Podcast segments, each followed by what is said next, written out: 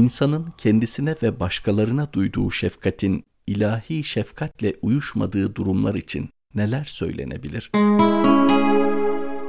Başa gelenlere üzülmemek elde olmayabilir. Ancak bu üzüntü aşırı seviyelere vardığında bir takım kırmızı alarmlar belirmeye başlayacaktır. Aşırı üzüntüler Rabbimizin o olayı bir takım hikmetler üzerinden yarattığı durumunu tekzip etmek ve bu hikmetin karşısına geçip ona muhalefet etmek anlamına gelebilir. Aşırı üzüntüler kendi içinde ilahi merhameti aşma iddiası da taşımaktadır. Rabbimizin şefkatinden daha fazla bir şefkat, Rabbimizin hikmetlerinden daha üstün hikmetler öne sürmek kişinin mantığının hastalandığı bir noktadır. Kimsenin Rabbimizden daha şefkatli veya hikmetli görünmeye hakkı ve salahiyeti yoktur. İnsanın şefkati hali hazırdaki nimeti elde etmeye ve hali hazırdaki musibetten kaçınmaya eğilimlidir. Oysa Rabbimizin şefkati bütün zamanları kuşatacak bir biçimde insanın ebedi hayatındaki sıkıntıları gidermek, ona ebedi hayat boyunca nimetlerin eşlik etmesini öngörmektedir. Dolayısıyla insanın kendisine duyduğu şefkat daima Rabbinin ona duyduğu şefkatin yanında oldukça noksan ve eksik kalacaktır. Kişi kendi şefkatiyle ilahi şefkati aşmış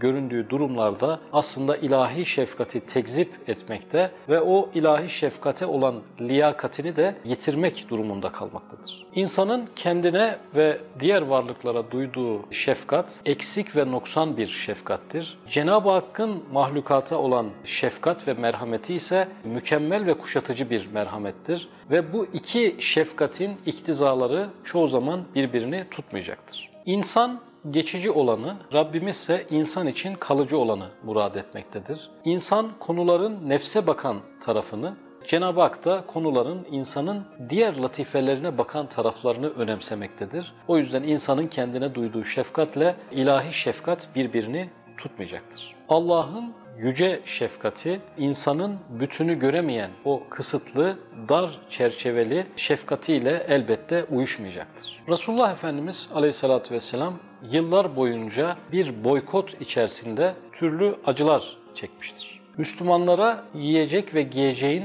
ulaşmasının engellendiği, onlarla bütün münasebetlerin kesildiği, hatta kendilerine selam vermenin bile yasak olduğu dönemlerden geçmişlerdir. Öyle ki Hazreti Hatice validemizin bu boykot yıllarında yaşadığı açlık neticesinde bir hastalığa tutulduğu ve bu hastalık sonucunda vefat ettiği bilinmektedir. İşte bu zor dönemlerde Efendimiz Aleyhisselatü Vesselam bir çıkış kapısı bulmak maksadıyla Taif'e gider. Bir umut şehri olarak gördüğü bu Taif'te de maalesef taşlanmayla karşı karşıya kalır. Bu son çıkış kapısı da böyle kapanınca Efendimiz Aleyhisselatü Vesselam ellerini Rabbine açarak şunları söyler. Ya Rabbi eğer bütün bu olanlar senin bana olan kızgınlığından dolayı değilse ben bunların hepsine sabrederim. Bu sözlerin manasında şu vardır. Rabbim sen benimle birlikteysen, bana küskün ve kızgın değilsen, benimle birlikteliğini devam ettiriyorsan, dünya hayatı içerisindeki hiçbir musibetin, hiçbir zorluğun, hiçbir sıkıntının bir önemi kalmayacaktır.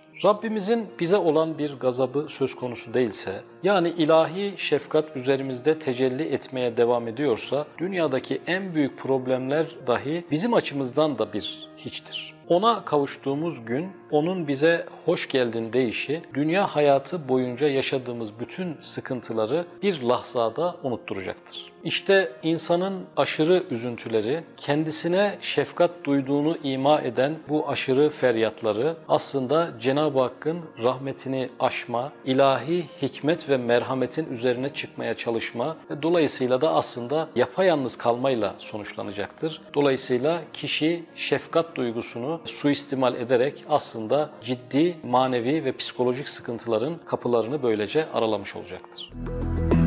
Müzik